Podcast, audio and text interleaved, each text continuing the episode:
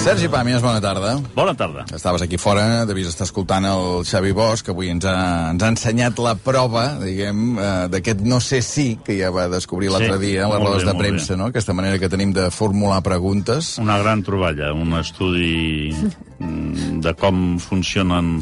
Per tu què demostra? O sigui, diguem, què hi ha al darrere de- Home, d'això? eh? ell ja ho ha explicat, però jo diria que també hi ha una cosa generacional i d'època de, de la precarietat amb la que han crescut molts periodistes joves, que se'ls se hi ha donat poca, poca substància pedagògica sobre l'ofici i, i, a, i a canvi se'ls ha assignat una importància a través de les xarxes, això que en diuen visibilitat, que mm, altera una mica l'ego.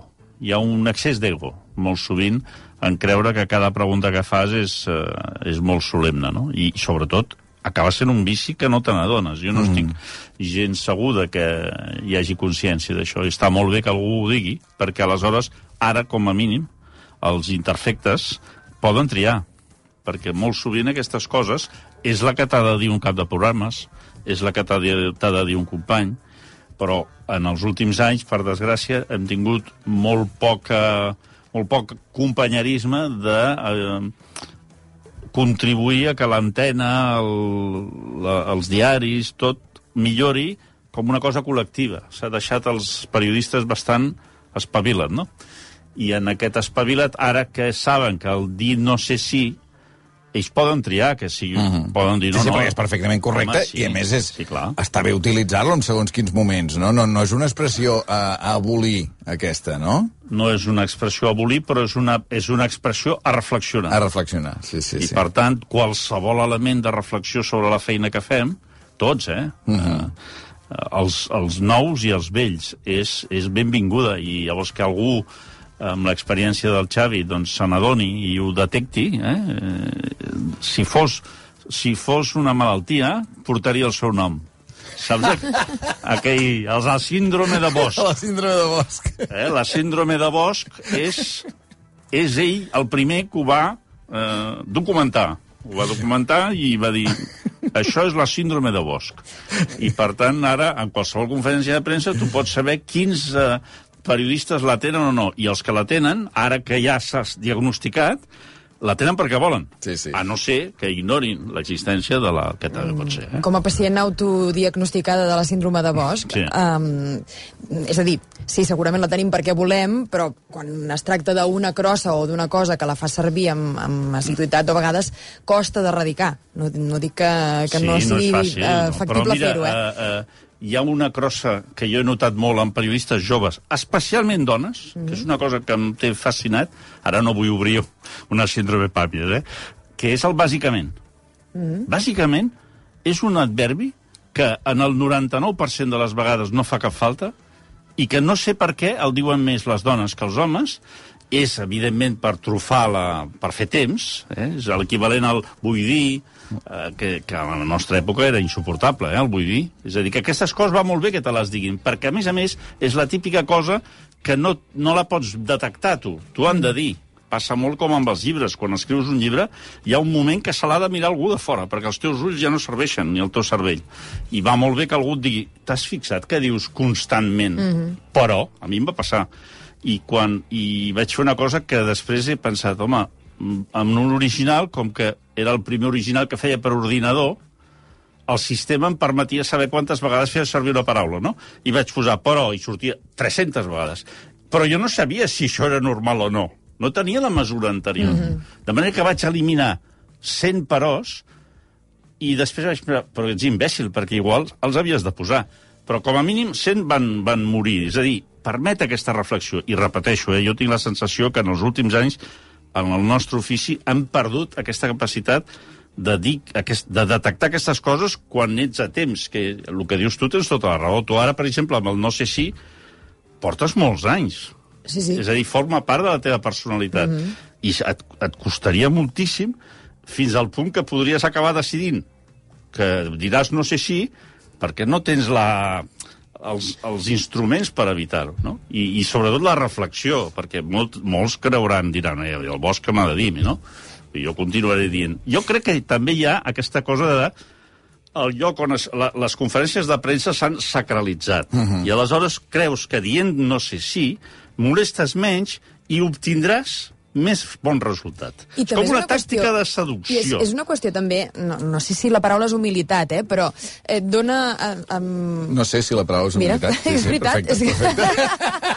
Però, però per això Ja. et parlava de l'ego, perquè No, això és però, de les o coses sigui, de- més mal enteses que, que ha tingut l'ofici. Mm -hmm. el, jo tinc la sensació que hi ha una egolatria molt més present i evident ara que abans, que no vol dir que els periodistes siguin més egòlatres ara, eh? Sinó que la, les fórmules expressives que fan servir ho són i els posen en evidència, igual que la ignorància. Una cosa increïble de l'antena de qualsevol emissora convencional és l'orgull de ser un ignorant. Això abans, la gent era igual d'ignorant. No sabia res. Però te'n guardaves Però ja prou, te'n guardaves clar. prou de que es notés. Uh -huh. I ara, en canvi, una mica el sistema Belén Esteban. Eh? Uh -huh. si, jo sóc així. Si t'agrada bé i si no et fots. Això era impensable abans. Per tant, no sabem si això és bo o dolent, eh? perquè les coses evolucionen. Aquest jo crec tema, que que aquesta no és humilitat, dolent. el que tu anomenes humilitat, uh -huh. és, és, té un punt d'incompetència. Sobretot si no ho has triat, eh? No Sobretot que no, si no tu et has que anat, no. si tu has anat trobant. I, I, per tant, va molt bé que hi hagin especialistes Clar, i en el context d'una roda de premsa és molt fàcil també encomanar-te de- d'una expressió, d'una manera de preguntar, no? Perquè, clar, no és el mateix dir, um, no sé si amb la tàctica que presentava l'altre equip aquest diumenge um, hauria pogut fer jugar Riqui Puig que dir... Per què no juga per Riqui què no Puig? juga Riqui Puig? Clar. O dir... Que és una pregunta dir, per mi molt més difícil de Sí. contestar, no? Que, Sí, que no però anem a imaginar que tu no vols, eh, vols establir un fair play uh Mhm. -huh. col·loquial, no? I, I llavors tu dius, li donaré unes dades, no? I comences a dir, el fet de tenir una mena d'introducció a la pregunta no és dolent, uh -huh. no és dolent. I, I també va bé per introduir la pregunta. I aleshores, quan preguntes, preguntes. I en el cas de Riqui Puig, no sé si, clar, no, no, no sé si, no, és un 29 partits Sí, sí. Que no juga, doncs, eh, per, alguna cosa deu ser. I això vol dir que no ho hem de preguntar mai més? No sé si. Bé, doncs escolta'm, diagnosticada o establerta la síndrome de Bosch, tal com la batejada Sergi Pàmies, eh, amb aquest eh, no sé si, o, eh, això, engeguem la tele, a veure, a veure què és el que podem trobar Sí. avui a la tele o què és el que has vist últimament. No sé per on vols anar avui, Sergi. Mira, avui hi ha una cosa molt, molt maca, si la gent no ho ha vist, a TV3, el Sense Ficció, que és el, la missió d'una pel·lícula. Una pel·lícula d'animació per adults. O sigui, tots els elements per no ser vista. Perquè, clar, el Sense Ficció figura que és un documental, les pel·lícules per adults fetes per animació no és que tinguin un gran predicament, i, i a més a més és una, és una pel·lícula que la van estrenar als cinemes fa un parell d'anys. És una pel·lícula que es diu Josep i que explica la història d'un il·lustrador republicà basada tota en fets reals però convertida en una ficció. Extraordinària pel·lícula. La gent que no l'hagi vist i que tingui una mínima inquietud o bé històrica referida a l'exili republicà. Clar, és un dels molts, el pintor, no?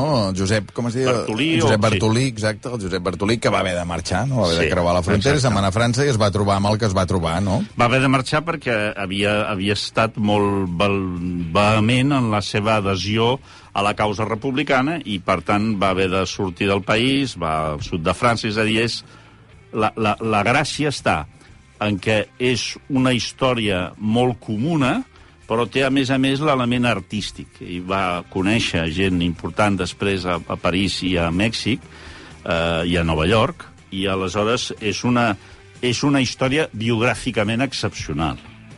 Això és una de les coses que són eh, curioses. Després hi ha tota la narrativa del bé i el mal, dels bons i els dolents, que està molt ben... I sobretot és una experiència estètica. Mm -hmm. És a dir, és una pel·lícula que la gent que li agradi les coses maques, ben fetes, però que no renuncien a tenir una càrrega expressiva i crítica i històrica, eh, haurien de disfrutar molt, repeteixo. Un gran, gran, és, el, el director és un francès que es va enamorar d'aquesta història, el projecte és català, Sí, el Jordi Oliva, que és Sí. el productor, no? i, i va, vaja, la van encertar molt, va tenir molt èxit a França, com sempre, Eh, dic com sempre perquè era aquesta època en què les coses que fem mm, en que necessitem un èxit. Eh, això es, sembla que està canviant finalment amb el tema de, del Carràs, però Mm. no, perquè sense l'èxit de l'Os d'Or probablement el Carràs s'hauria estrenat.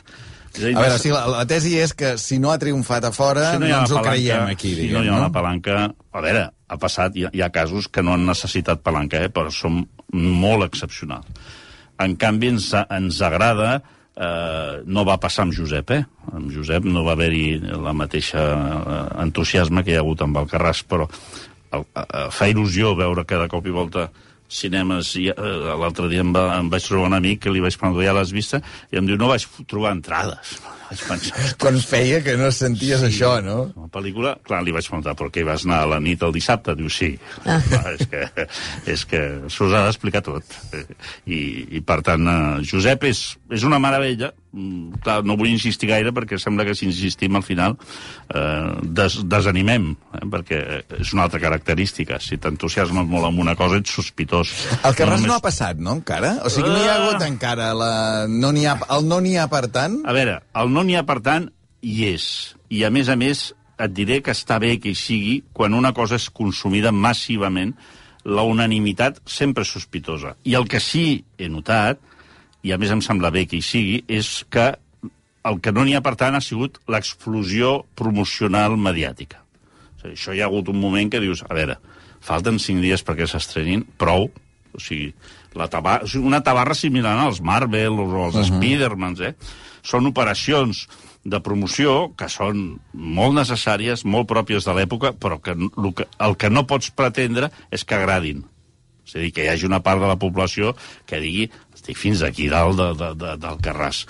I aleshores, a més a més, amb fórmules repetides, no? El famós dia que vam anar a totes les ràdios, que, que, que t'imaginaves una mena de vodevil en el que de cop i volta Carla Simón havia de córrer d'una plaça a l'altra i llavors entrava a la directora de càsting i el, i el pobre Josep, aquell home que, que, que no donava l'abast, els nens, o sigui, hi havia com un vodevil sensacional durant un dia perquè havien d'atendre... Però clar, això també passa quan ve Woody Allen a explicar però una penso, pel·lícula. això està bé, que, pa- de forma excepcional, està bé que passi, diguem, no? Que, Sí, que però- passi, que passi però- un producte fet aquí, que no... Però no estem acostumats. Sí, I sí. després, qualsevol excés de, de promoció, no del Carràs, de qualsevol tema que en tenim constantment, hi ha un moment que, que, que és normal que hi hagi una part de la població que digui home, escolta, no, no m'atabalgis, per això és tan important. Cap a més, llavors hi ha Que- l'efecte multiplicador, que això és relativament nou de les xarxes, diguem, no? Que, que no n'hi ha prou, diguem, amb el, amb el que fan els mitjans convencionals que han fet sempre, no? sinó que a sobre, diguem, llavors cadascú està eh, gairebé obligat a dir alguna cosa sobre allò, no? Sí, en el cas del Carràs, jo, no, com que no, no, no tinc xarxes, no, no sé quina ha estat la resposta a les xarxes. Al marge Però de les les xarxes... mirar, les deus mirar, Sergi. No, no, en el, en el cas del Carràs no he mirat res, mm. diguéssim. Jo miro per coses molt concretes, ja ho vaig explicar un dia, és dir, no és que no en tingui, és que les utilitzes, però, però per això no ho he, no ho he fet mm. servir. He fet servir el meu sistema pedestre de preguntar molt i després d'anar als llocs i veure les pel·lícules. I la sensació que tinc és aquesta, que, és, que, que el fet de que la pel·lícula sigui esplèndida desactiva una part del no n'hi ha per tant que hi serà. Hi serà, hi serà. Hi Estem, serà. estem a, a un cap de setmana del no n'hi ha per tant, sí, diguem, no? i, i, i per això... Jo vaig va- avui, no ho sé. Ah, I de vegades passa que, uh, que quan apareix algú que diu no n'hi ha per tant, com que ara hi ha aquest protagonisme enverinat de les unanimitats, se'l pren com un asa dels cops per anar contra ell i ens centralitzar tot l'odi mm. que està en l'ambient, no? I això és un error, perquè ens convé que hi hagi no n'hi ha per tants. És a dir, la diversitat de l'opinió és, un, és una aportació, perquè si tothom pensa igual de tot a tota hora, doncs només ens han d'enviar com la declaració de renda on se, se poses la casella, poses el carràs, m'ha agradat molt, la, això no m'ha agradat gens, ja està, i pagues, eh? Dic, quan he de pagar per ser un bon patriota? I ja està, és a dir, hem de tenir la capacitat de tenir el nostre propi criteri, sí, sí. Jo faré un tuit quan surti i diré no sé si n'hi ha per tant. no sé si n'hi ha per tant. Perfecte, perfecte. Sí, sí. I a més a més, mira, tornant al no sé si, hi ha un punt de, de reivindicació del dubte. Mhm. Això no és dolent. Inclús per, la no... per això et dic que és una, és una reflexió que potser si, féssim, si la féssim profundament, al final acabaríem empatats, eh? I, i per tant hi hauria llibertat de vot no? I no, no hi hauria hi ha aquell home del partit que s'aixeca i diu a l'1, no, no, podria haver-hi llibertat de vot Va, Josep, per tant, avui aquesta Sí. pel·lícula d'animació que podeu veure al Sense Ficció TV3 a partir de les 10 del vespre. Crims. Ressaca de l'estrena de Sí. la nova temporada de Crims d'ahir. Aquí sí que ha aparegut potent, no només el no n'hi ha per tant, sinó crítiques. Uh -huh. Escolta, eh, també sembla que, que ens haguem de, de, de sorprendre i de fer escarafalls. No, no. Molt èxit de públic, en aquest cas l'audiència, 23%, que és molta audiència i, a més a més, per un producte d'una televisió pública és fantàstic que passi. És una inversió, és un programa car, i, a més a més, és un gènere que està cada vegada més tancat. Llavors, què ha passat? Què vol dir més tancat? Sí, eh, amb un llenguatge propi, que és, no et diré com un videoclip, però té com una normativa interna de llenguatge, de sintaxi, per fer-ho pedant, que, eh, sí, perquè al final quan tenim 20 minuts podem lluir-nos també com a pedants. I, i aleshores el que passa, crec, tinc la sensació que veníem d'un començament de temporada anterior que era el crim de la Guàrdia Urbana. El crim de la Guàrdia Urbana és un clàssic. És un clàssic dels successos catalans. I, I crec que la versió que en va fer Crims és una obra mestra. És a dir, va agafar, Dividirem quatre capítols, no? La va versió agafar un material fabulós pel Mhm. qual estàvem molt preparats i, a més a més, ho teníem fresc. Eh? Teníem l'ambient fresc i ens va servir el, el gran pantagruèlic programes seguits d'aquella història. Llavors veníem d'allà. Aleshores, ara arribem amb, un, amb una certa... amb una història nova, eh? que no té el potencial del crim de la Guàrdia Urbana, que no coneixem, Que no té el potencial, vols dir que no hi ha sang i fetge? no, no, hi ha sang i fetge. Però que seria més convencional. És a dir, com, és com si veiéssim per primera vegada un crims danès. És a dir, ens interpel·la menys uh -huh. i ens explica la història. Aleshores, és més fàcil fixar-nos, això, hi ha hagut unes grans discussions, eh, avui llegia per internet, sobre si la càmera girava o no girava, i Barcelona cap per avall. Escolti, fins ara no havien discutit aquestes coses. No? I llavors el, el que sí tens la sensació és com si el fet d'haver estat a Netflix, eh, d'haver... Eh, s'hagués tancat més uh -huh. en, el, en el, la sintaxi aquesta del, del gènere. Més podcast, fins i tot, perquè hi ha molt, que jugava molt amb el so. A mi em va semblar un, un bon programa i, i a més a més, eh, a vegades penses, bueno, tot 55 minuts, bueno, potser eh, està una mica inflat, sensacionalista, sí, eh, no, és, no és un documental. Aquest. Clar, aquí el perill és justificar coses amb consignes. Per exemple, una cosa que sento molt a les últimes hores és, és true crime. No, no, és que no sé què vol dir, saps? O sigui, és true crime, què vol dir? Deu haver-hi true crime d'una manera i true crime d'una altra. No, ningú ens obliga Però a això fer es diu per justificar què?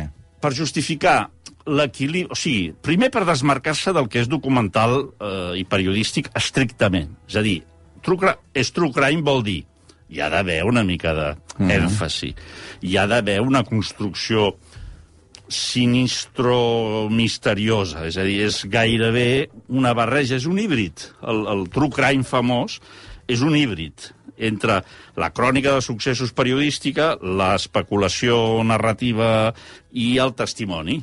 Aleshores, jo crec que una de les gràcies del model de crims és haver trobat una plantilla que la pots aplicar a tots els casos. Llavors, això és la cosa brillant, no? Per tant, eh, aquí el no n'hi ha per tant ja ens va bé, perquè és un motiu de debat i la televisió que crea debat i, i amb aquestes audiències no crec que ningú la setmana que ve deixi de veure crims perquè hi ha hagut aquesta discussió, al contrari. Eh? Però en qualsevol cas, benvingut sigui l'hàbit aquest de tornar a veure... I després, que és una cosa que jo no practico i per tant havia menyspreat bastant, me n'adono que cada vegada més hi ha un tipus de televisió, o sigui que no, això no passava, eh, en els últims 10 anys deu haver passat molt, però no ho havia detectat, que és que hi ha programes que s'han de veure en directe pel plus de les xarxes socials. Mm -hmm. Que, eh, ho havíem comentat amb Eurovisió, sí, em sembla, sí, sí. alguna vegada. Mm, que s'acosta. Que s'acosta. Que s'acosta. Tens, estàs implicat? Ah, estic implicat, sí, Ah, sí, faré un programa especial. I molt bé. Recovisió i tant. Així m'agrada. I, I llavors, això ja ho, ho havíem comentat una mica. Hi ha programes que aconsegueixen, clar, normalment són retransmissions, coses que tu les vols veure en el mateix moment que passen. Però amb la ficció o, o amb les coses editades semblaria menys necessari. I sí que observo que, que hi ha molta gent que et comenta que vol veure'l en directe. Clar, clar, perquè si no quedes al marge de la conversa sí. pública, És a dir, per diguem, no? Lluís hi ha una propina, hi ha un, hi ha un món paral·lel, que jo desconec perquè estic allà a casa sol, eh, com, com és la cançó de Ram, del Raimon, immers en la cabòria d'aquell desig de tu que és gran i creix, eh, com allò de si tu te'n vas al teu Sí, país sí. d'Itàlia, doncs jo estic allà, en aquelles condicions. Però vas veure en directe o has recuperat avui? No, ho he recuperat avui. Ho he recuperat. En el meu cas, eh, la trampa és doble. No, trampa no, perquè Sí. a més a més, com que si no formes part de la conversa, llavors sí que tenés sí, un producte sí. com no, no, ho he Crims. recuperat avui perquè hagués pogut veure'l començar però no acabar, perquè tenia un, bueno, uns, unes històries eh, sòrdides familiars que donarien també per un crims. eh, en qualsevol cas, això seria la, les dues coses. I després ha sortit una dada que, que, que m'encanta quan surt perquè genera una... una uah, tota la ràbia surt, que és la mitjana del consum televisiu. Ah, boníssim. No. Mira, te'l puc dir... O sigui, a veure, no en tinc ni idea, eh? No ho he vist, això, però sempre és uh, 3 hores 40 minuts. Sí.